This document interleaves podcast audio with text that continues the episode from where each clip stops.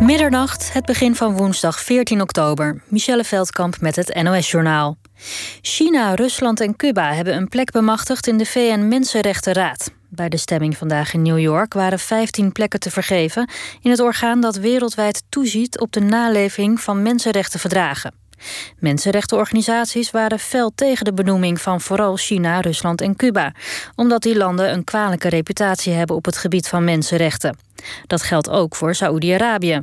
Dat land wilde ook in de raad, maar kreeg onvoldoende stemmen. Nederland is al lid tot 2022. Door de nieuwe gedeeltelijke lockdown hebben veel bedrijven extra overheidssteun nodig, zeggen ondernemersorganisaties VNO-NCW en MKB Nederland. Ze pleiten onder meer voor een time-out-regeling, waarmee ondernemers tijdelijk kunnen stoppen zonder het risico te lopen dat ze in die tijd failliet gaan. Premier Rutte en minister De Jonge maakten de gedeeltelijke lockdown aan het begin van de avond bekend op een persconferentie. Rutte zei dat het aantal contacten en het aantal reisbewegingen zeker vier weken lang fors omlaag moeten om het coronavirus in te dammen. De horeca moet dicht, evenementen worden verboden en mensen mogen thuis maximaal drie gasten ontvangen, één keer per dag. Buitenshuis mogen groepen uit maximaal vier personen uit verschillende huishoudens bestaan. Ook amateur-teamsporten worden beperkt. Alleen kinderen mogen nog in teamverband trainen. Verder wil het kabinet een mondkapjesplicht juridisch mogelijk maken. Maar dat duurt nog even. Bij een aanvaring tussen een vrachtschip en een sloep in het Zuid-Hollandse Valkenburg zijn zeven mensen in het water terechtgekomen. Een van hen is door mensen langs de kant uit het water gehaald en gereanimeerd. De zes anderen wisten zelf uit het water van de Oude Rijn te komen. Het weer, het is droog. Bij opklaringen kan het vannacht lokaal afkoelen tot 3 graden. Morgen veel bewolking met hier en daar wat zon. Door een koude noordoostenwind wordt het niet warmer dan een graad of 12. Dit was het NOS Journaal. NPO Radio 1. VPRO. Nooit meer slapen.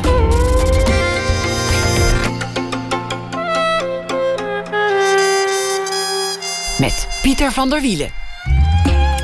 Goedenacht en welkom bij Nooit meer slapen. Fabian Jansen is hier.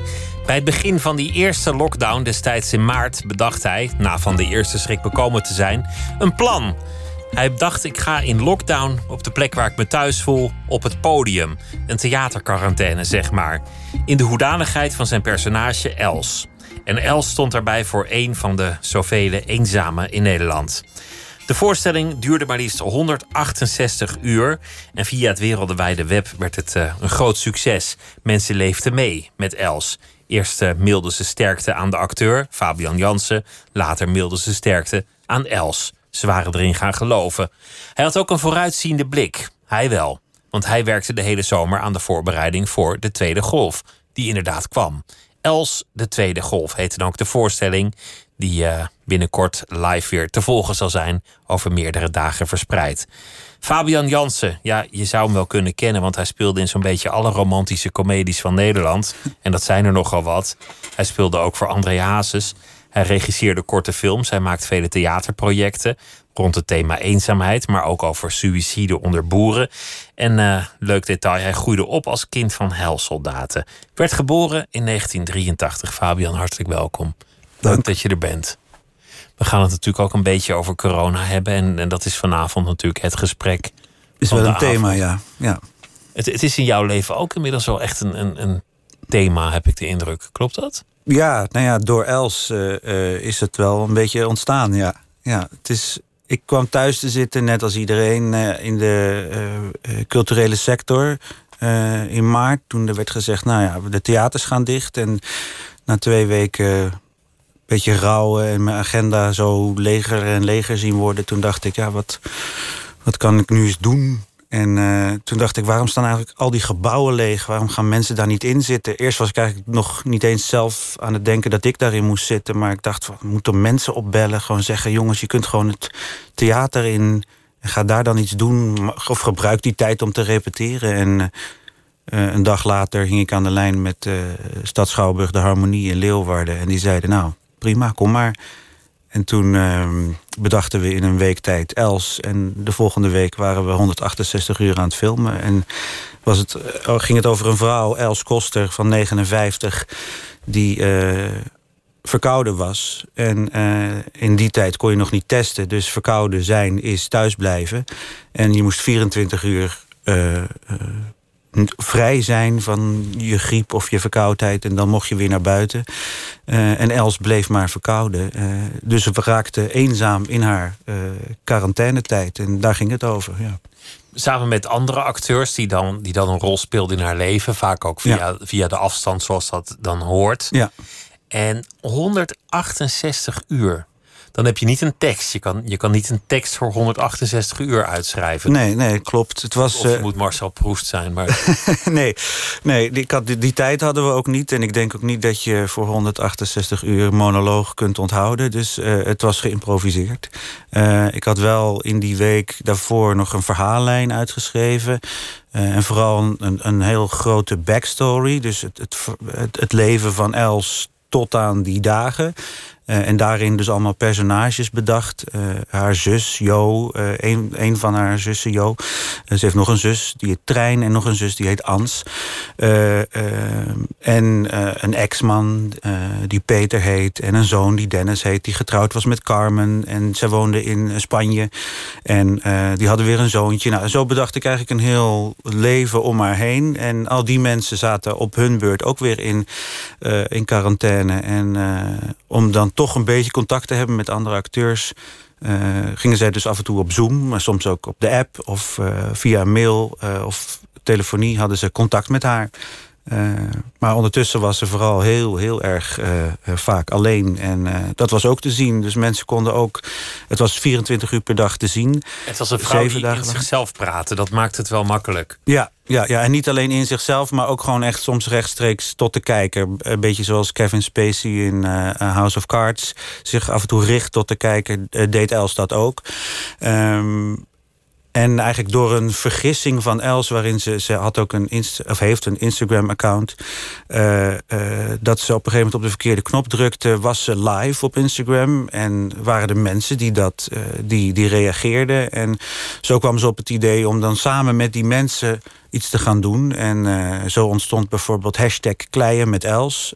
een, een hobby van Els is kleien. Dus nou, dan ging ze elke ochtend om 11 uur uh, kleien met de mensen. En uh, dat werd echt een, een trouwe fanbase van mensen die ook mee gingen kleien of borduren of tekenen net waar ze zin in hadden. Maar uh, we kregen ook allemaal foto's daarvan te zien. En er ontstond een soort structuur gedurende die dag. Uh, niet alleen voor Els, maar ook voor veel kijkers die om 9 uur 20 gingen sporten met Els. Om 11 uur gingen kleien met Els. Om 4 uur gingen zingen met Els. Uh, om 9 uur gingen dansen met Els. Nou ja, zo was er een heerlijke uh, afleiding in die eerste lockdown die we hadden. Een soort Big Brother huis, maar dan fictie. Ja. Maar als je 168 uur acteert, nagenoeg non-stop, mm -hmm. dan, dan, dan word je ook uiteindelijk toch gewoon Els. Ja, ik moest wel zeggen dat ik, uh, toen, ik toen het klaar was, uh, heb ik nog wel, denk ik, een week lang uh, in dezelfde toonhoogte als Els gesproken. En liep ik ook nog wel echt als Els door de stad. niet meer in vol ornaat met pruik en borsten van klei. Maar wel dezelfde houding. Die, dat, was, dat was er toch een beetje inge, ingeslopen. Ja. Die, die borsten van klei, dat, dat maakte ook dat je een beetje naar voren ja. ging lopen. Want er zit natuurlijk een beetje gewicht in zo'n BH. Je ja. hebt, je hebt die gewoonte niet. Nee. En dat, dat maakt het al meteen een heel ander personage. Zeker, ja, nee, absoluut. En, en dan nog op hakjes lopen, bijna de hele dag. En uh, ja, dus dat maakt inderdaad dat mijn houding heel anders was. En uh, de rugpijn die, kwam, uh, die erbij hoort, die kwam ook. Dus ja, ik heb me goed kunnen invoelen in het vrouw zijn. Waar kwam het verlangen vandaan om, om een vrouw te spelen? Nou, ik denk dat het ergens is ontstaan toen ik een keer een voorstelling zou doen die niet doorging. Uh, en toen ineens zat ik uh, vier, vijf maanden, had ik geen werk. En op dat moment zag ik de film uh, Tootsie met Dustin Hoffman in de hoofdrol. En, dat, is een, dat is een acteur die kan geen rollen krijgen. En iedereen zegt, ja, we hebben wel werk voor actrices, maar niet voor acteurs. En dan denkt hij, nou ja, weet je wat ik, kan, ik ben acteur, dus ik kan alles worden wat ik wil. Ja, ja en dan vervolgens doet hij als uh, oudere vrouw actri uh, als actrice zich voor en gaat hij auditeren voor een uh, rol in een ziekenhuisserie en die krijgt hij. maar iedereen gelooft zo hard dat, dat hij een vrouw is, ja, dat hij eigenlijk ook niet meer terug kan en zich ook niet durft te openbaren als... jongens, kijk eens, ik ben het. Dus hij blijft dan heel ijzeren heinig... Ook steeds vaker buiten de set toetsie. En een ontzettend, ontzettend grappige film. Zeker, zeker. En toen eigenlijk dacht ik op dat moment voor het eerst... van het lijkt me best wel tof om een keer gewoon echt een vrouw te gaan spelen... en niet... dat als een drag of een, of een transgender of, of een travestiet te doen, maar gewoon volledig uh, die vrouw te zijn. En uh, ook iets, omdat het, ja, het is toch iets uh, bizars om dat te kunnen zijn. En ook weer terug te kunnen. Heel veel mensen vragen zich wel eens af van... goh, wat zou ik doen als ik, een, als ik een vrouw was of als ik een man was voor een dag? Nou, ik mocht het nu zeven dagen zijn. En hoe is het? Zwaar. ja, vanwege, vanwege die kleine borsten natuurlijk. Ja, ook dat. Ja, nee, maar het is ook heel. Het is ook, nee, ik, vind het, ik vind het een bijzondere ervaring. Zeker ook om te zien dat het dus door het publiek ook zo geaccepteerd werd. En dat na twee dagen mensen dus ja, Els uh, uh, omarmden. En helemaal niet meer bezig waren met Fabian Jansen, die die rol speelde. Maar met, uh, gewoon met Els. Fabian was er gewoon niet de rest van de week. En mensen, dat zei ik al in de inleiding, mensen stuurden bloemen bier, bonbons, kaartjes. Ja. En er is zelfs een, een, een, lied speciaal voor Els gemaakt. Ja, ja, meerdere liederen zijn erin gestuurd. Ja, mensen die, die zin hadden om haar een, een steuntje in de, in de rug te geven. Uh, uh, laten we luisteren, een klein fragmentje van uh, Charlotte en, en Barend. Die stuurde, en dat is, dat is eigenlijk wel heel schattig. Je bent niet alleen. Ja.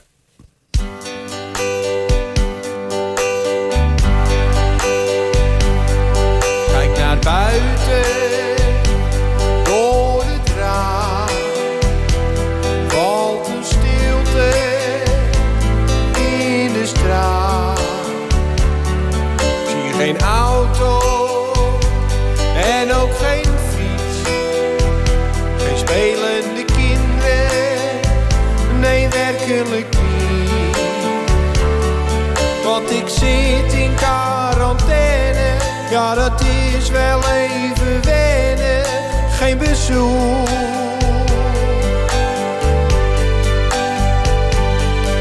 En dit is toch zo geen leven, hopelijk duurt het maar heel leven, zo alleen.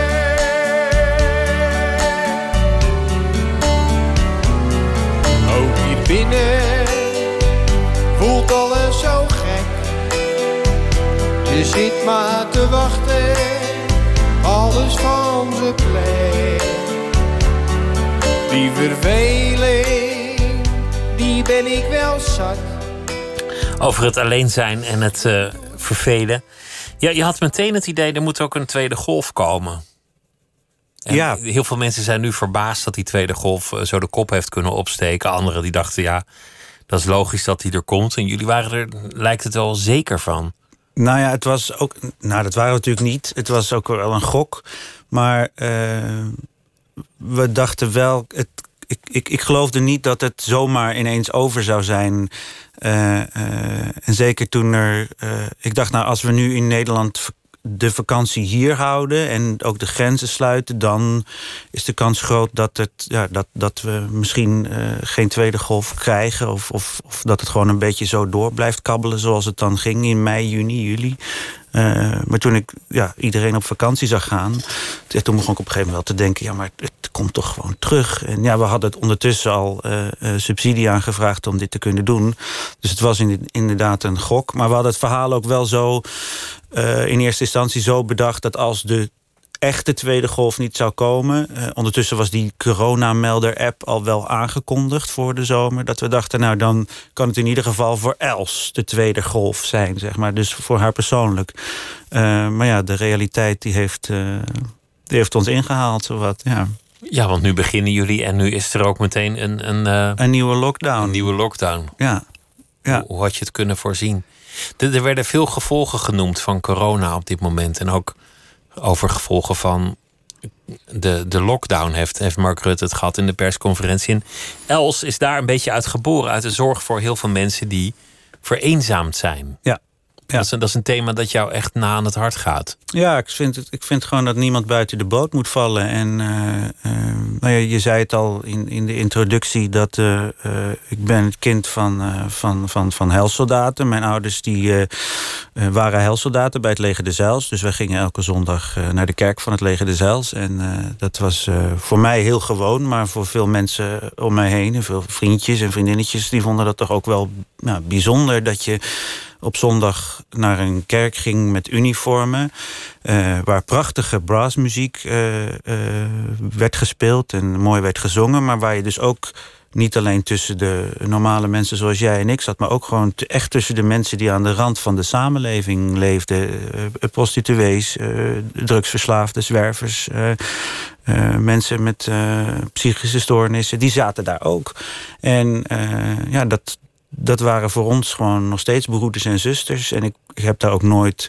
Ik heb dat nooit gek gevonden of zo. Dat, dat, dat die mensen er zijn. En, en uh, wij, ja, wij waren daar niet meer of minder in, omdat wij toevallig geen problemen hadden. Dus dat is iets moois wat je hebt meegekregen van die opvoeding bij het leger des Heils. Dat je iedereen voor vol aanziet. En dat je, dat je het niet accepteert dat mensen er niet bij horen. Ja, ik denk het wel. Ik denk dat dat een mooie nalatenschap is wat bij mij ingeplemd is, zeg maar, door mijn ouders en, uh, en het leger. Ja. Wat, wat was er nog meer mooi aan, behalve de, de trompetmuziek en, de, en deze levenshouding? Nou ja, eigenlijk dat je gewoon bijzonder. Ja, voor mij als maker natuurlijk ook. Toen wist ik nog niet dat ik veel zou gaan maken, maar wel, ik wilde wel al heel snel clown of acteur worden of iets dergelijks. En veel verhalen ook. Dus iedereen heeft daar een verhaal.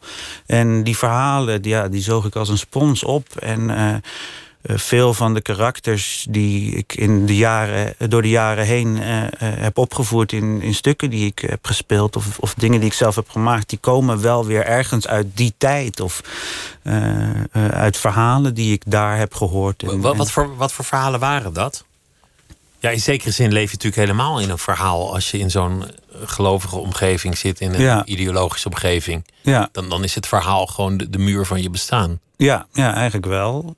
Uh, maar ja, wat voor verhalen waren dat? Nou ja, bijvoorbeeld dat uh, in de jaren negentig weet ik nog dat wij... Uh, toen was het homohuwelijk nog niet geaccepteerd... maar wij trouwden wel in Amsterdam, waar we dan naar het leger de Zels gingen... een, een, een, een stel uh, twee mannen die toch wilden trouwen. En dat, hebben we, ja, dat was daar toch gewoon mogelijk. Uh, en er was ook een, een, een, man die, uh, die een tijdje weg was. En die kwam terug als een vrouw. en dat was voor ons, nou oké, eerst was het de broeder en, en toen werd het zuster. en dat was heel, heel gewoon voor ons.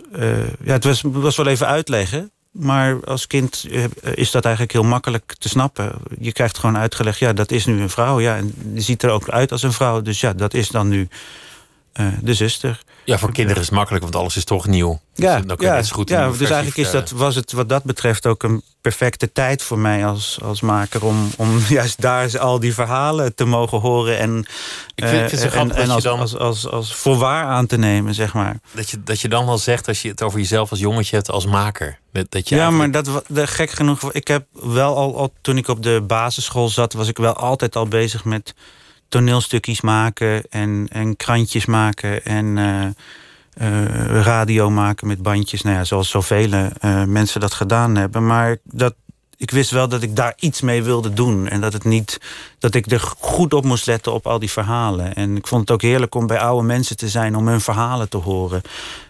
toen ik ik was nog vrij jong toen ik uh, geen opa's en oma's meer had. En toen hebben we ook aan twee oudere vrouwen uit de kerk gevraagd of ze onze oma's wilden worden.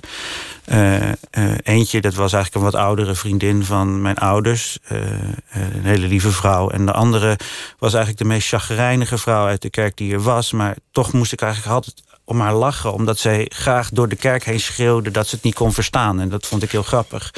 Uh, en die was ook al best oud. Ik denk dat ze toen een jaar of 2, 83 was.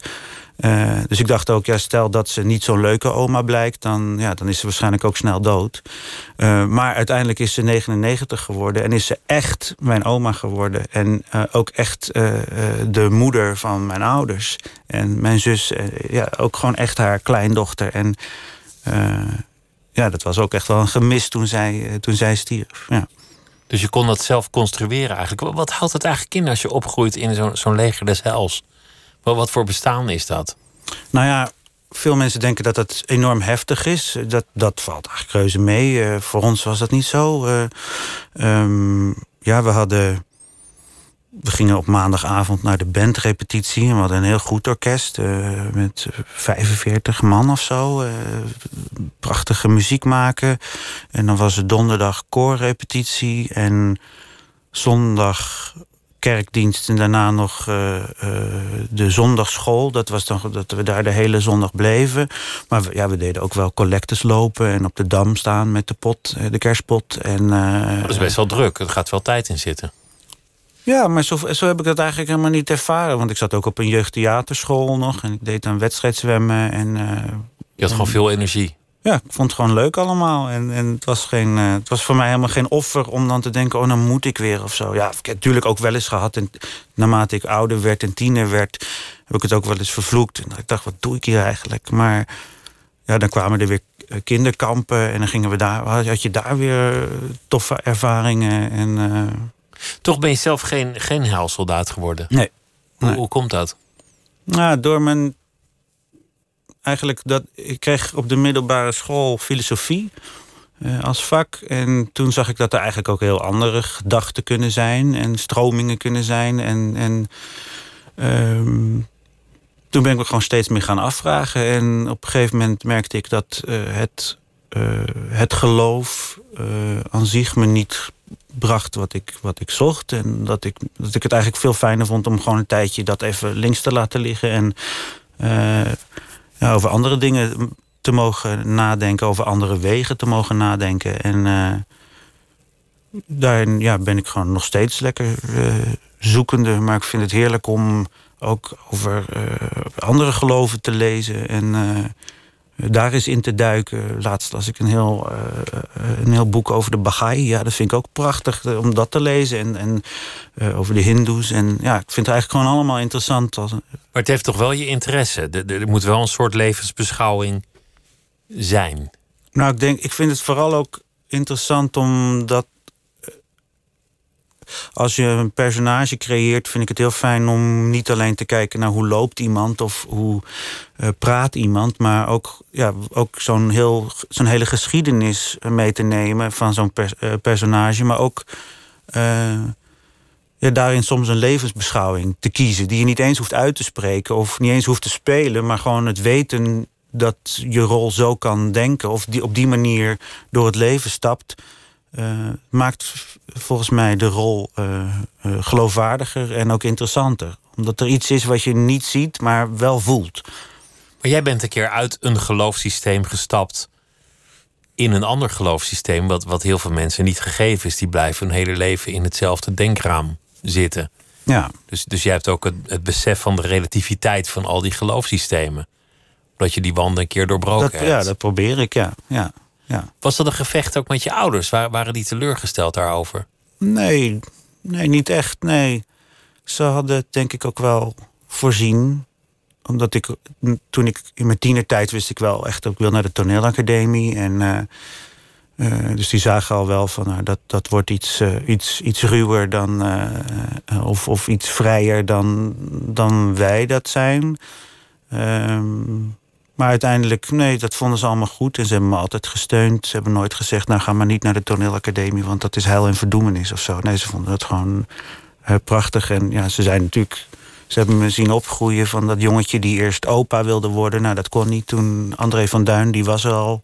Toen werd het Pipo uh, of een clown. En uh, nou ja, zo uiteindelijk acteur en regisseur. En daar, daar zijn ze in mee gegroeid. Dus ze vonden dat allemaal wel te snappen. Ja. Hoe vond je het om op de toneelschool te komen?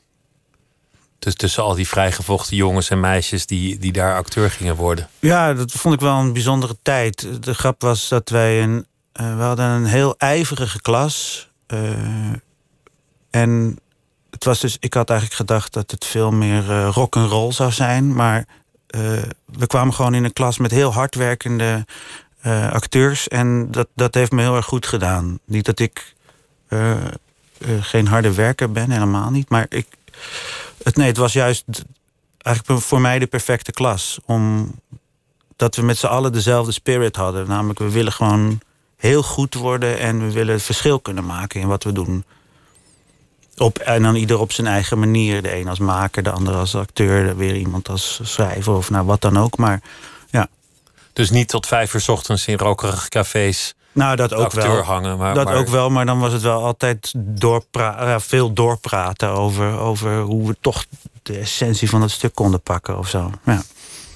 Je, je, hebt, je hebt echt heel veel komische rollen gespeeld. Ja. En, en, en ook wel echt hele leuke komische rollen, heel veel. Maar je, je hebt op een gegeven moment, ja, lijkt het voor mij als buitenstaander het roer omgegooid. Ja, nee, dat klopt. Dat je dacht, nou ja, we gaan het wat anders doen.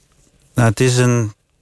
Kijk, in Nederland hebben we uh, een systeem waarin er veel wordt getypecast. Uh, ik was uh, een stuk dikker tot een anderhalf jaar geleden. En op de een of andere manier denken we in Nederland, en zeker in de filmwereld, dikke mensen zijn grappig of dikke mensen zijn gezellig. Dus dat uh, waren de rollen die ik kreeg. De eenzame jongen die in de liefde niet gelukkig is en onhandig is. En, of, ik was, of ik was de grappige boef in een, in een, in een kinderserie. Dat, dat was een beetje op een gegeven moment het stramien van rollen. En ik dacht, ja, de eerste keer is dat leuk en de tweede keer voel je je gevleid omdat, ze dan, omdat je wordt gevraagd omdat de eerste keer zo goed was. En, maar als je dat een paar keer hebt gedaan en het blijft alleen maar dat worden, ja, dan is, het, is, is de show eraf en dan wordt het een herhaling van zetten. Uh, sterker nog, uh, ik had op een gegeven moment gewoon in vier verschillende films als vier verschillende karakters dezelfde bril op en bijna dezelfde kleren aan. Dezelfde soort hesjes kreeg ik aangemeten.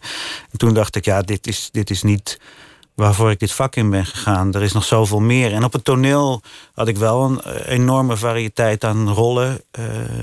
Maar binnen die filmwereld niet. En toen dacht ik, ja, volgens mij kan dit anders. En, we, we, zijn er wel. Ja. Je, je bent hoeveel kilo afgevallen? 55 kilo. 55 kilo. Ja. Dus, dus dat is eigenlijk alsof je, nou ja, ik heb, ik heb het niet helemaal paraat, maar zeg maar de hele dag met vier kratjes bier op je rug liep of zo. Zoiets, ja. met een hele zware rugzak. Ja, ja. En dat, dat, dat heb je afgeschud. Dat, dat heb je gedaan met een, met een operatie? Met zo'n. Uh... Ja, ik heb een sleeve uh, uh, genomen. Ik had een hele heftige slaapapneu. En die. Uh, die zorgde eigenlijk dat mijn energielevel zo laag was dat ik, ik viel gewoon meerdere malen in slaap in de auto en tijdens het rijden. Korte momentjes, maar ja, elk moment kan, kan lang genoeg zijn om een ongeluk te krijgen. En als ik op een set stond, als ik eventjes niet hoefde te draaien, dan, dan lag ik ergens te slapen. En uh, ja, dat was gewoon allemaal. En, ik werkte wel voor, uh, voor tien, maar het, het, het, kon eigenlijk helemaal niet meer. En toen heb ik eerst zo'n zo'n soort straaljagermasker gehad. met een zuurstoftank eraan. nou, dat sliep helemaal niet. Dat werkte voor mij niet. Toen kreeg ik een beugel die mijn onderkaak naar voren trok. Waardoor er ruimte ontstond tussen mijn gehemelte en mijn tong. Dat klinkt, eh, dat klinkt, helemaal niet comfortabel. Nee, dat was het ook niet. En mijn, mijn kaak groeide scheef, dus ik kreeg een spraakgebrek. En, uh, voor, voor een acteur wel een grote dat is niet, Dat is niet handig, dus uh, nou, dus ben ik ook mee gestopt. En toen zei een van mijn artsen... ja, je kunt ook een, een sleeve nemen. Dat is wel blijvend. En, een, een maagverkleining. maar dan dat is, je hebt drie vormen van maagverkleining. En op deze manier hou je de grootste maag over...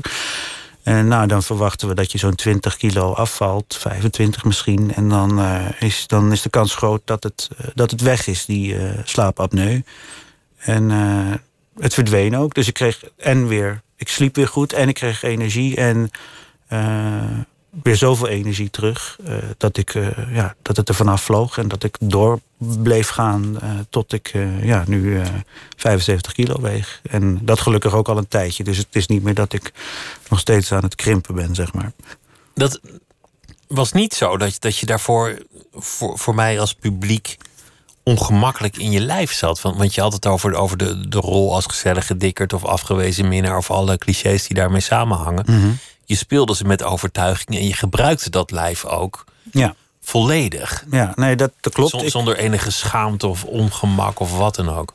Ja, nee, maar ik heb me ook nooit geschaamd voor dat lijf. En had ik die eh slaapapneu niet gehad, eh, dan had ik nog steeds eh, die Fabian geweest. Ehm, Want je zat lekker in je, in je lijf. ja, ja, ik heb me ook echt geen moment daarvoor geschaamd of zo. Sterker nog, ik, ik vond het prachtig. Ik hou van, van, van lijven en van. van eh, ja, en ook van alle ongenoegens die het met zich mee kan brengen. En ook, ook, ook de strié die je ervan kan krijgen. Ik vind dat gewoon prachtig. Ik vind dat schilderijen. En eh, dus ik, kon, ik, ik had helemaal geen enkele moeite met dat lijf. Ik heb ook.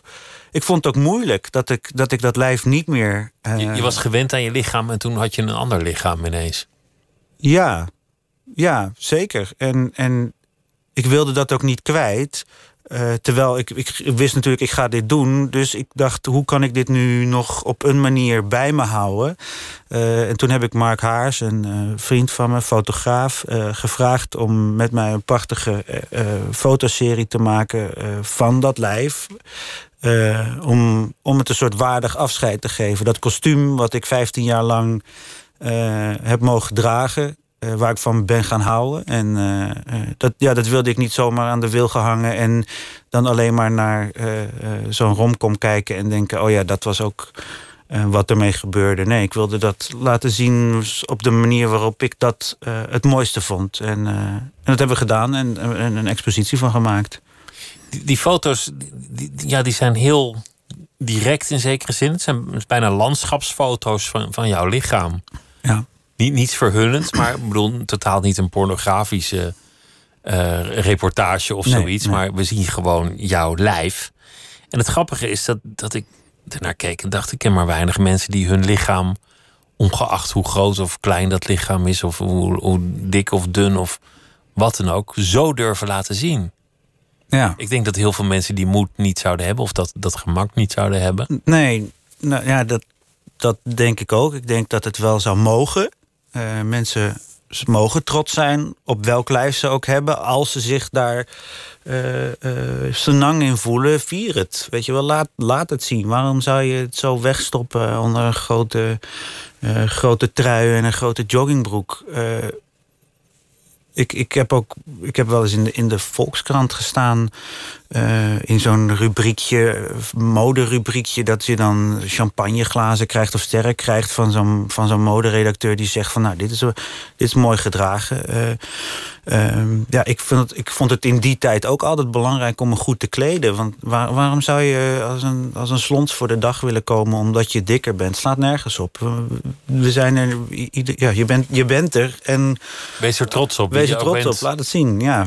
En, en dus in die zin is het nu, nu ik zoveel ben afgevallen, moet ik soms echt nog wel eh, even schakelen. Eh, eh, dat ik bijvoorbeeld. Ja, als ik gewoon. Een, tijd terug ging ik, ging ik naar de Efteling. Ja, dat was daarvoor zat ik altijd. eh, had ik het behoorlijk krap in die, in die, eh, in, in die wagentjes en zo. En Nu was je bang dat je eruit viel. nou ja, bijna. Ja, maar ook zelfs dat ik dus nog in zo'n wagentje stapte en dacht, oeh, als dat maar past. Terwijl ik al wel gewoon zoveel was afgevallen, dat zit er dan toch nog in of zo. Dat, ik moet daar, het is wel echt wennen. Je krijgt ook, als je zo'n operatie doet, eh, eh, wel eh, begeleiding eh, voor een aantal jaar. Je kunt ook met een psycholoog praten en zo. En eh, ja, dat. dat eh, er was eigenlijk op een, een moment toen ik onder de 90 begon te wegen, toen ineens herkende ik eventjes mezelf niet meer. Als ik in de spiegel keek, moest ik echt even denken: oh ja, dit ben ik nu. En eh, dat kon ik eerst nog een tijd ook verhullen. Als ik een baard of een snor had, dan leek ik toch nog wel weer op de, eh, eh, op de Fabian die ik daarvoor was. Nu met Els is, ja, dan, dan moet mijn baard en mijn snor moet er uiteraard af. En dit, ja, dan is dit gezicht nog wel echt het, het nieuwst voor mij, zeg maar. Daar moet je nog zelf aan wennen. Ja. Wat, wat voor rollen krijg je nu aangemeten? Of, of is het zo dat je helemaal niet meer wordt gebeld nu je Ik word nu helemaal niet meer gebeld. Dat is gewoon denken, nou ja, we hadden, we hadden af en toe een dikkerd nodig. En, en Nee, nee, nee, ja, zijn nee, er ja. zoveel van. Nee, het, grappig genoeg zijn, word ik nog steeds wel gebeld voor, eh, voor, voor rollen waar ze dan een dikkertje voor nodig hebben. Omdat ze dan vergeten zijn eh, dat ik zoveel ben afgevallen. Maar nee, ja, het, het, het doet er gelukkig ook niet meer toe. Ik, krijg- ik, ik, krijg, ik ga nu eh, binnenkort in een, eh, in een telefilm spelen. Ik weet niet of ik daar al iets over mag zeggen, maar dan dit, zeg maar. En dat is een rol waar het er ook, ja, waar, waar het er helemaal niet toe doet. Dus ik had, ik had het eigenlijk in de vorige vorm ook kunnen spelen. Maar ik vind het wel leuk dat het, het is geen romcom, het is een drama. Eh, dat ik daarin nu wel echt een eh, eh, Fabian op een andere manier kan presenteren. Eh, ja, To- toch interessant hoeveel clichés er met gewicht samenhangen. ja. Met hoeveel, hoeveel oordelen. Ja, zeker. Ja, ja, ja, je merkt het in veel dingen. Eh, Je wordt toch eh, anders bejegend eh, in gesprekken op straat, eh, eh, in, in winkels, eh, in zakelijke gesprekken. Mensen nemen je ineens serieuzer. Het is, het is best een, een, een bizarre eh, ervaring. Een grote transformatie dus, dus eigenlijk. Ja. We, we hadden het erover dat je op, op een zeker ogenblik had gezegd... nou ja, die romcoms, al die komische rollen... ik weet het nou wel. En, en Mhm. dat had voor een deel te maken met dat gewicht. Maar, maar je bent nu veel theaterprojecten gaan doen... maar ook, ook wat idealistischer. Bij- Bijvoorbeeld dit, dit over Els gaat over eenzame mensen... en vereenzaamde mensen. Mhm. En, en je zei, ja, dat komt door mijn achtergrond als helsoldaat... dat je niet graag ziet dat iemand er buiten valt. Ja. Zo ben je niet opgevoed. Wa- Wanneer dacht je, dit moet ik eigenlijk in mijn werk gaan betrekken? Nou, ehm, de eerste jaren dat ik, nadat ik afstudeerde, heb ik vooral heel veel gespeeld. Toen mocht ik bij Theater Artemis, een jeugdtheatergezelschap, eh, ook ineens eh, voorstellingen gaan maken als regisseur en speler. En ehm, toen eigenlijk ontstonden daar al zo de eerste tekenen ervan. Ik was er eigenlijk nog helemaal niet zo bewust mee bezig, maar eh, de eerste voorstelling ging letterlijk over mijn jeugd bij het leger de maar dat was gewoon omdat er zoveel fantastische verhalen waren. Eh, en dat ik het mooi vond om een kind te laten zien met veel fantasie, eh, die opgroeit binnen een religieuze instelling waar de fantasie eigenlijk de andere kant op wordt geleid. En ehm, eh, Waar de fantasie voor waarheid wordt aangezien. ja, ja, maar de grap was dus dat dat jongetje wat ik speelde... eh, had zijn eigen fantasie die, hij, die voor, voor hem net zo goed de waarheid was. Eh, ik heb als kind heel lang gedroomd dat ik kon vliegen. Net zoals vele mensen dat doen. Maar ehm, mijn dromen waren eigenlijk niet te onderscheiden van de realiteit. op één ding na, dat ik in mijn droom kon vliegen. Maar ik droomde dat ik wakker werd gewoon een hele dag beleefde. En ik ging gewoon naar bed. En er waren ook nooit andere mensen die konden vliegen. Er waren geen draken of dat soort dingen. Maar dus ja, ik zag ook gewoon mijn vriendjes op het schoolplein. Ik ging gewoon naar school in mijn droom. Maar soms dan vloog ik naar school in mijn droom. En vloog ik weer terug.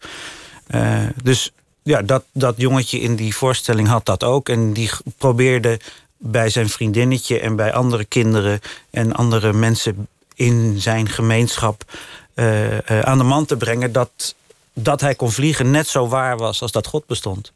Want dat was toch, ja, kon je ook niet zien. En eh, voor hem was het net zo waar. En, nou, dus dat was een voorstelling wa- Lijkt me ook een waarin. heerlijke waarheid als je kunt vliegen. Ja, dat, dat, dat is het ook. En ook een heerlijk geloof trouwens. Ja, ja, ja. Ik ben gelukkig nooit zelf van de flat gesprongen tijdens eh, het, het- de, de dagelijkse realiteit, zeg maar. Maar in de droomrealiteit ging dat heel goed. Ik moest ook altijd eerst een sprongetje doen. Dus dan wist ik ook, als, het, als ik het sprongetje deed en het lukte niet, dan, ja, dan lukte het even niet.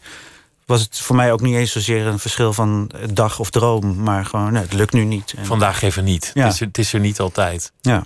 Maar dat was de geleidelijke weg die je, die je aflegde van het spelen en dan over, over het leger des hels. Ja, en de volgende voorstelling die ik daarna maakte was een voorstelling eh, ging over Peter Pan en of eigenlijk over Peter Llewellyn Davis, Eh, de man eh, op wiens jeugd eh, Peter Pan eh, is gebaseerd. Hij zou model hebben gestaan ja. voor, voor Peter Pan. ja, J.M. Barry, de toneelschrijver, die adopteerde het gezin van Peter Llewellyn Davis, van, zijn, hem en zijn broertjes. En zij speelde piraatje en, met hem en zo is dat verhaal ontstaan. En omdat hij Peter heette, dacht iedereen, dan ben jij vast Peter Pan. En uh, de man heeft zijn leven lang eigenlijk onder het juk geleefd van Peter Pan te zijn. Terwijl het lastige was, Peter Pan is de jongen die niet groot wilde worden, die de eeuwige jeugd wilde beleven.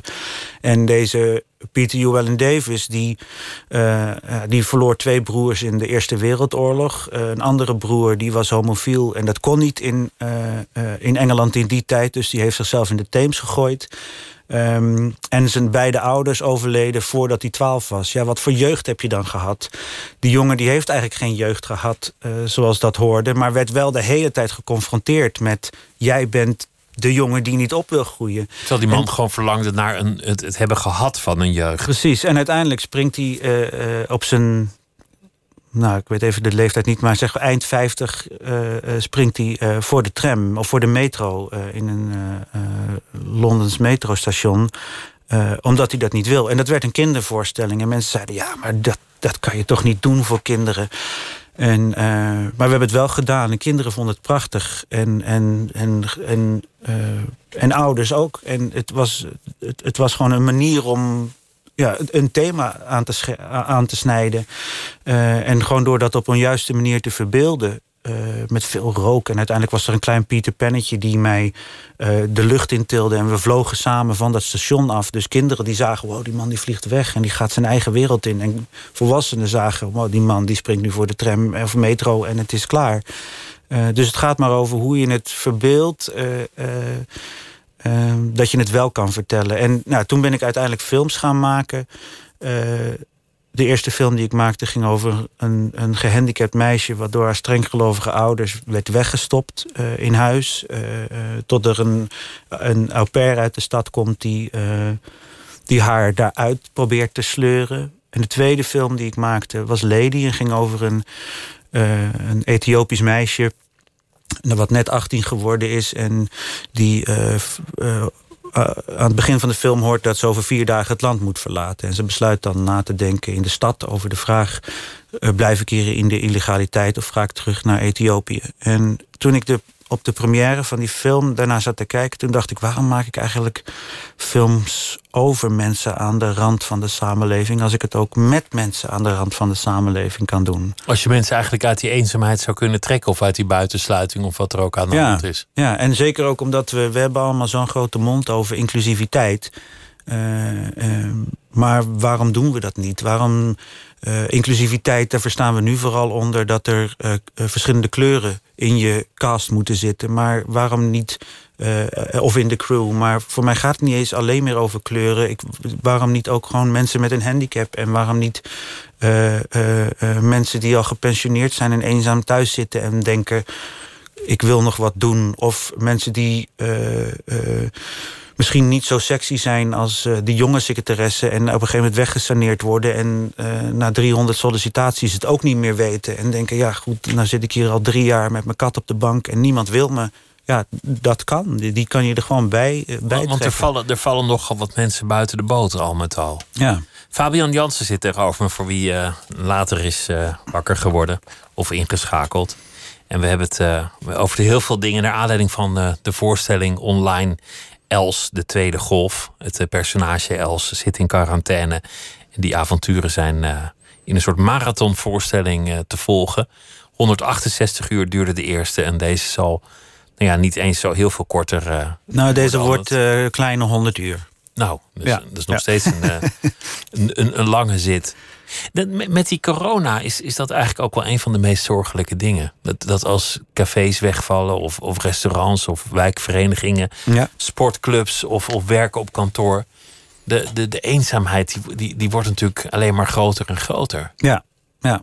Nou, dat, dat, dat, dat merkten we bij de eerste uh, voorstelling van Els. Els eenzaamheid in quarantainetijd al gauw dat ja, die, die, structuur waar ik het in het begin over had, die Els heeft op zo'n dag, dat werd echt voor uh, behoorlijk wat volgers ook echt een structuur. Dus we merkten ook in de, uh, dat, want Els gaat dan live op Instagram. Uh, ook nog eens naast dat we de livestream hebben van, van het hele verhaal. Uh, ja, daar zag ik ook de kijkers toelopen. Uh, mensen die, uh, die ook echt mee gingen doen. En als ik te laat was, omdat ik nog iets anders aan het spelen was... Dat, dat, dan kwamen er ook echt reacties van Els, we moeten beginnen, want wij staan klaar. het, is, het is kleien. We moeten nu kleien. Het is 11 uur. Kom op aan de bak. En die. ja, dat is, het is bijzonder dat we dat met zo'n klein project als Els eigenlijk was toen het begon. Ehm, voor elkaar hebben gekregen om, om die mensen erbij te trekken. En dat is wat we ja, met, met veel projecten willen gaan doen. Uh, ik heb vorig jaar uh, in 2018 en 2019 een voorstelling gemaakt, Maalkop, bij locatietheatergroep Peergroep in Noord-Nederland, in Drenthe. dat ging over suïcide onder boeren. dat zou aanvankelijk tien keer spelen. En we vonden het ook heel spannend. Het was een solo die ik speelde met een koe. Die koe die speelde ook echt mee. We hebben tien weken gerepeteerd. een echte koe? Een echte koe, ja. Die, die had je geleend van een, van een boer? Ja, ja, ja. En die solo, prachtig geschreven door Herman van der Weideven. Was, nou, het was echt een, echt een mooi, mooie monoloog, maar zwaar. Een zwaar thema. En in de publiciteit dachten we ook van... Nou, misschien moeten we dat nog niet noemen, dat het dan hierover gaat... maar dat we zeggen dan, het is een boer, een depressieve jonge boer... die het moeilijk heeft. maar uiteindelijk, ja, bij de eerste recensie... die kwam al na, ik geloof de eerste try-out... Stond het gewoon vol in de krant dat het daarover ging, over die suïcide. En uh, binnen no time was het uitverkocht. En we hebben het uiteindelijk 75 keer uh, uitverkocht gespeeld in verlaten stallen door het hele land. En tot onze grote vreugd, hoe stom dat ook klinkt, zaten er niet alleen theaterbezoekers in, in, de stallen, maar vooral ook heel veel agrariërs en agrari agrarisch betrokkenen. Die, die voor dat thema kwamen. Die voor het thema kwamen en die zich gehoord voelden. Uh, die zich eindelijk gehoord voelden in, in, uh, uh, in hun gevoel. Want het, het belangrijke van waarom Maalkop denk ik ook een, ook een succes is geworden... is omdat het een voorstelling was die de binnenwereld van de boer liet zien. Er zijn natuurlijk heel veel boerenvoorstellingen gemaakt. En, en, en vaak zijn die voorstellingen, gaan het, gaat, is het een jijbakken uh, en een vinger wijzen naar de overheid of de bankier of uh, uh, iedereen krijgt de schuld. Maar, en dit keer kreeg, was, het ook, was dat er ook, maar ging het vooral over ja, hoe die jongen dacht over zichzelf en over hoe, hoe hij het moest gaan oplossen. En, want er, want er, is, er wordt niet veel over gepraat, of misschien is er gewoon niemand om er mee over te praten, maar er is veel suïcide onder agrariërs. Ja. Dat, dat is een reëel probleem. Omdat mensen hebben gewoon ongelooflijk veel stress over de, de, voortgang van het bedrijf. Maar er is ook veel eenzaamheid en uitzichtloosheid. Ja, ja, ja, schulden die je kunt hebben van je ouders als je het bedrijf overneemt. Uh, maar ook de wet en regelgeving. Uh, banken die ineens met jou een andere regeling willen treffen dan, treffen dan je ouders. Uh, en de overheid die de boel aanscherpt. Precies, ja. En, en, en, en de consument, niet te vergeten, die steeds meer een vinger in de pap krijgt en zegt: ja, zo, wij willen dat jullie zo boeren. En, uh, ja, en dat, dat, dat zijn nogal veel dingen samen. Uh, los van dat het boeren niet een, een hobby is, dat is een keihard bestaan. En voor die voorstelling heb ik ook echt heel veel boeren gesproken. En zeker ook na gewoon letterlijk na de voorstelling hebben we veel nagesprekken gehad. Maar ook echt boeren die nog gewoon lang bleven om eventjes met mij te mogen praten. Uh, uh, om te zeggen van ik, je, hebt, je, hebt, je hebt het goed gedaan. Je hebt verwoord wat Het lijkt mij spannend om, om, om voor de doelgroep zelf waar het over gaat... Die, die mensen te spelen en hun verhaal te komen vertellen. Ja, dat was het ook wel. Maar we hadden gelukkig vrij snel uh, door... toen we de klompen en de laarzen en, en de bodywarmers uh, de zaal binnen zagen komen, zeg maar, de stal binnen zagen lopen, dacht ik, ja, dit, dit, dit werkt wel. En het is, we, we, hebben een, we hebben een stem gevonden voor deze mensen. En ehm, toen de voorstelling klaar was, na 75 keer toen hebben we gedacht, nou hier willen we een, een, een speelfilm van gaan maken. Dus die, uh, ja, daar zijn we nu mee bezig om te kijken of, of, of ons dat lukt. Het, script is af en uh, we hebben zelfs al een teaser gemaakt... om uh, de, de filmfondsen en subsidiënten en geldschieters te overtuigen... dat het een mooie, bijzondere film gaat worden. maar het is spannend, want ja, zo'n zo'n film wordt niet vanzelf... niet zo makkelijk als een romcom gefinancierd. Dus ja, dat moet je dan op een andere manier aanpakken. Uh, door, door crowdfundingsacties. Dat gaan we binnenkort mee starten. We hebben nu ook een uh, hoorspel gemaakt van Maalkop. Uh, zodat mensen het verhaal horen en ook denken: ja, dit, dit verhaal is zo mooi, dit, dit wil ik ook zien. Ik wil, hier, ik wil het nu ook echt kunnen beleven. Het is bijna alsof jij dan de rol op je neemt van degene van buitenaf die binnenkomt en nou ja, de olifant in de kamer benoemt. Het probleem waar niemand onderling over kan spreken. De Ja. problemen die veel agrariërs voor zichzelf houden. Nou ja, nou, dat Mee- is mee wel een beetje innemen. wat we nu. Wat ik met Faboeg Social Cinema, mijn, mijn filmgezelschap zoals we het noemen, ehm, ten doel hebben gesteld. Dat we willen niet alleen dus die. We willen en sociale thema's aankaarten, eh, een, een, taboes eh, eh, kenbaar en inzichtelijk maken en bespreekbaar maken. Eh, en de andere kant van het sociale is dus dat we twintig mensen per jaar in een, dat noemen we het Future Talent Project, dat gaan we vanaf volgend jaar september doen. Eh, is dat we twintig mensen eh, vanuit heel Friesland, want daar zijn we gesitueerd, ehm, die in een isolement leven, eh, daaruit gaan halen door ze toe te voegen aan onze cast en crew. We gaan hun in een jaar tijd opleiden tot eh, filmcrew en eh, hopelijk ook cast als er voldoende talent bij zit. Zodat ze ook een sociaal netwerk krijgen. Want- Want jij Ja. woont in Bartlehiem. Ja. Be- Ja. bekend van de Elfstedentocht vanwege het bruggetje. Waar, het waar bruggetje. iedereen altijd eventjes omheen moet. Zeker. Hoe, hoe raakt iemand daar verzeild? Eh, eigenlijk eh, door het zeilen. Ik ben met vrienden vanaf mijn zeventiende gaan zeilen op een skutje elke zomer. En ehm, dat was in Friesland. En toen dacht ik, wat is het hier eigenlijk mooi. En Friesland op het water is echt, eh, echt schitterend. Dat kan ik iedereen aanraden als je nog nooit in Friesland op het water hebt gezeten. Huur een bootje, ga het doen. Want het is echt, echt een prachtige provincie. En eh, De, de mooiste meren van, eh, van Noord-Europa, wordt wel eens gezegd. ja, nou ja, eens. Ja, nou in Zweden hebben ze ook mooie Ja, Zweden meren. kunnen er ook wat van. ja. Maar nee, dit, het is. eh, eigenlijk door, door, door dat zeilen dacht ik elke keer: jeetje, wat is het hier eigenlijk relaxed. En ik vond die Friesen ook leuke mensen. En ja, toen ik eenmaal rijp was om een huis te mogen kopen, toen eh, dacht ik: ja. Ik woonde toen in Amsterdam en ik werd daar helemaal gek in de pijp van de muren van krantenpapier.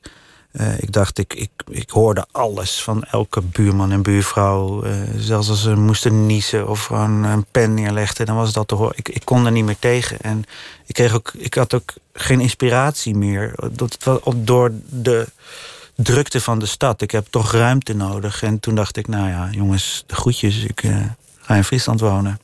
Ging je dan alleen naar Bartlehiem? Nee, eerst ben ik in Piaam gaan wonen. Een piepklein dorpje net onder Makkum aan het IJsselmeer. Eh, en dan ben ik eh, met mijn hond alleen gaan wonen. Ja. En ik dacht, nou, het is wel goed. Ik ga niet wachten op een vrouw die, die misschien wel mee wil. Maar nee, ik dacht, ik, ik, ik ga gewoon. En dat, eh, dat is de beste keuze van mijn leven geweest. eh, om, om daar te gaan zitten. Eh, want daar is, ben ik gaan filmen. En daar is eh, Faboeg Social Cinema aan staan. En ik heb nu een heel fijn netwerk van... en natuurlijk vrienden, maar ook van, van jonge filmers... en enthousiaste mensen die, die mee willen werken daaraan. En, ik, en, en provincie Friesland en, en, en veel gemeentes... daar geven me ook de kans om, om daar... eh, te kunnen maken wat ik wil. En, en bijvoorbeeld nu ook de harmonie. Die hebben me echt als een soort huisgezelschap binnengehaald. Maar, maar het lijkt me wel spannend als je met je boedelbak en je hond over de afsluitdijk eh, de eenzaamheid tegemoet rijdt voor de eerste keer. vanuit. Ja, maar zo voelde het voor mij helemaal niet. Het was niet de eenzaamheid, het was de vrijheid eh, tegemoet. Ik, in Amsterdam voelde ik me eigenlijk eenzamer dan ik me ooit heb gevoeld in Friesland. Want je kunt ook eenzaam zijn te midden van heel veel mensen. Ik denk, st- sterker nog, ik denk dat heel veel mensen eh, zich in, een- in zo'n stad snel verloren kunnen voelen. Ik had ook echt keuzestress. Eh, ik wist bijvoorbeeld heel vaak niet waar ik naartoe moest. Eh, dan ben je jong en je woont in Amsterdam en je, je werkt in die culturele sector. En dan denk je, oké, ik kan naar, de, naar, naar 49 films, ik kan naar 12 concerten, ik kan naar eh 15 voorstellingen, zes cabaretshows. Eh, daar is nog een museumopening, hier is nog een galerie waar een feestje is. En ik zat dan soms echt tot half twee, twee uur s'avonds te bedenken wat ik ging doen. En dan ging ik maar naar bed, want ik had gewoon geen idee, ik kwam er niet uit. En eh, het, het, het, hielp me, het hielp me tegen of zo. En toen ik eenmaal weg was, toen toen kwam het weer. Toen vond ik het ook weer leuk om, om naar, naar, naar dat soort dingen te gaan. Uh, en het was ook gewoon heerlijk om, om weg te zijn en, niemand nam het jou kwalijk. Eh, als ik gewoon lekker dagen of weken in Friesland zou blijven, dan, dan was het ook prima. Want iedereen dacht, ja, hij woont in Friesland. En Friesland is maar een uurtje, dames en heren, van Amsterdam. Maar voor Amsterdammers is Friesland ongeveer uh, bij Nieuw-Zeeland nog twaalf uur doorvliegen. Ja, en dan komen ze met, met uh, een malaria-net en 15 vaccinatieboekjes. En, uh, en een reisgids en een, en een helm en een karabijn. En, ja, Precies, ja. Amsterdammers zijn wonderlijke mensen. Zeker. Ja. Eigenlijk, eigenlijk in zekere zin is dat ook provinciaal. Dat, dat je, eigenlijk wel, ja. ja dat, je niet buiten de stadsgrenzen durft. Ja. Ben, ben, je, ben je in zekere zin toch een soort heilsoldaat? Als je mensen erbij wil betrekken en, en, en mensen uit de samenleving uh, alle hoeken in je club wil halen, zit dat er dan toch nou ja, misschien, misschien is dat de conclusie, ja, dat, ik het, uh, dat ze het toch goed hebben gedaan daar bij het leger des Zels. En uh, dat, dat ze me er toch uiteindelijk in hebben geluisterd. Ja. Op je eigen manier. Ja, ja zeker. Ik denk dat ik nou, de grap is dat. Ik ben bezig ook met een, een, een familiefilm te maken. Naar aanleiding van die voorstelling over mijn jeugd bij het Leger de Zels. Um, en dat heet Het Wonderbaarlijke Leger van Officier Aus. En dat gaat over een zonderlinge jongen die opgegroeid is binnen het Leger de Zels. Daar nu niet meer zit, maar zijn eigen Leger, Leger de Zelsje creëert van gekke mensen om hem heen. En nu we het er eigenlijk over hebben, denk ik voor het eerst, volgens mij is dat gewoon: ben ik Aus? Ben ik die jongen? Dat is wat er aan de hand is. Vertel nog even over wat, wat Els in de tweede golf gaat, gaat meemaken. Nou, Els uh, is gevraagd door haar minnaar Ruud, uh, gespeeld door John Buisman. Uh, om naar Hello Dolly te gaan. Hij kreeg kaartjes van vrienden die, die niet konden. En zij gaan morgen dus naar Hello Dolly. Morgen begint de voorstelling om half acht online te zien. Ik maak meteen maar even de reclame. En zij zegt dan ook maar waar te zien. Uh, elsblijftthuis.nl. Elsblijftthuis.nl. Nou, en dan Hello Dolly. En dan? Ja, dus uh, ze gaan naar Hello Dolly. En daar zitten ze heerlijk romantisch te wezen met z'n tweeën. tot er een, een berichtje komt waardoor Els naar huis moet en in quarantaine. geen andere keuze heeft dan zichzelf en Ruud op te sluiten. Uh, het lastige is uh, dat zij denken dat ze met z'n tweeën thuis zijn. Uh, alleen haar zoon Dennis heeft op dat moment net een, een surprise party georganiseerd voor Els. met drie andere mensen, want ja, het is wel de huidige tijd. Dus een, een, een feestje mag maar met dan drie mensen zijn uh, inclusief per dag. Per dag, ja, precies. en uh, uh, dus die, die staan daar met toeters en bellen klaar op het moment dat zij thuiskomen. Maar ja, de deur moet op slot, want we moeten in quarantaine. En ja, dan begint het feest. dan zitten ze met elkaar opgesloten en gaat het nog wel even duren voordat ze eruit komen. In ieder geval 100 uur. En hoe, hoe doe je dat eigenlijk met, met nou ja, gewoon al, algehele menselijke, biologische behoeftes als je naar de wc moet. Je moet natuurlijk ook slapen en, en, en ja, alles, nou, het, toilet, is uh, het toilet en de douche en de keuken... Uh, die zijn niet in beeld. Uh, uh, om daar ook soms even als acteur zeg maar, uit te kunnen puffen. Maar de slaapkamer van Els en haar woonkamer zijn, zijn zichtbaar. En de andere karakters zullen dus ook in die slaap- en woonkamer slapen. En dat is allemaal te zien. ook gewoon midden in de nacht kunt u intunen. En, en kun je zien hoe steeds... ze slapen. Of dat iemand naar het toilet gaat. Of dat er misschien toch nog een, een, een gesprekje is tussen twee. Of misschien wel iets romantisch. You never know. Dus jullie moeten het ook een beetje van elkaar overnemen af en toe. Zeker, ja. ja, ja. Maar in principe uh, gaan we natuurlijk wel ja, ervoor dat we niet de hele tijd met z'n allen op het toilet gaan zitten. we moeten wel, dus dat verhaal speelt wel door. En uh, er is wel, uh, wel altijd iemand te zien. We gaan deze quarantaine ook wel weer uh, doorkomen. Fabian Jansen, dankjewel dat je langs wilde komen. En heel veel succes met uh, de voorstelling Els, de tweede golf. Dankjewel. Dank dat je langs wilde komen. Thanks. En uh, een goede reis, ook al is het maar heel even, terug naar hier. Dankjewel. Thanks. Morgen in Nooit meer slapen komt uh, journalist Jan Tromp op bezoek. Hij is uh, bekend van de Volkskrant, waar hij adjunct hoofdredacteur was. Was oud-presentator van Met het oog op morgen. Hij heeft dit keer een uh, boek geschreven samen met Pieter Tops. En dat gaat over uh, de drugscriminaliteit in Nederland. En hoe die geleidelijk aan de hele samenleving aan het uithollen en overnemen is. Een uh, belangwekkend boek en dat gaan we morgen bespreken. En zometeen op NPO Radio 1 kunt u luisteren naar uh, Miss Podcast, Misha Blok. En ik wens u een hele goede nacht. Tot morgen.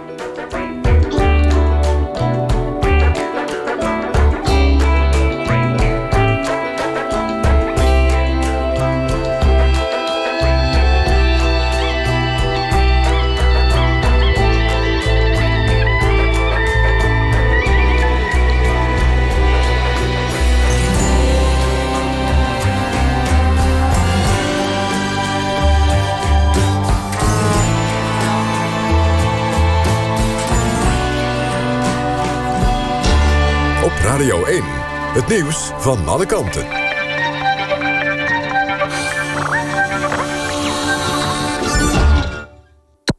NPO Radio 1.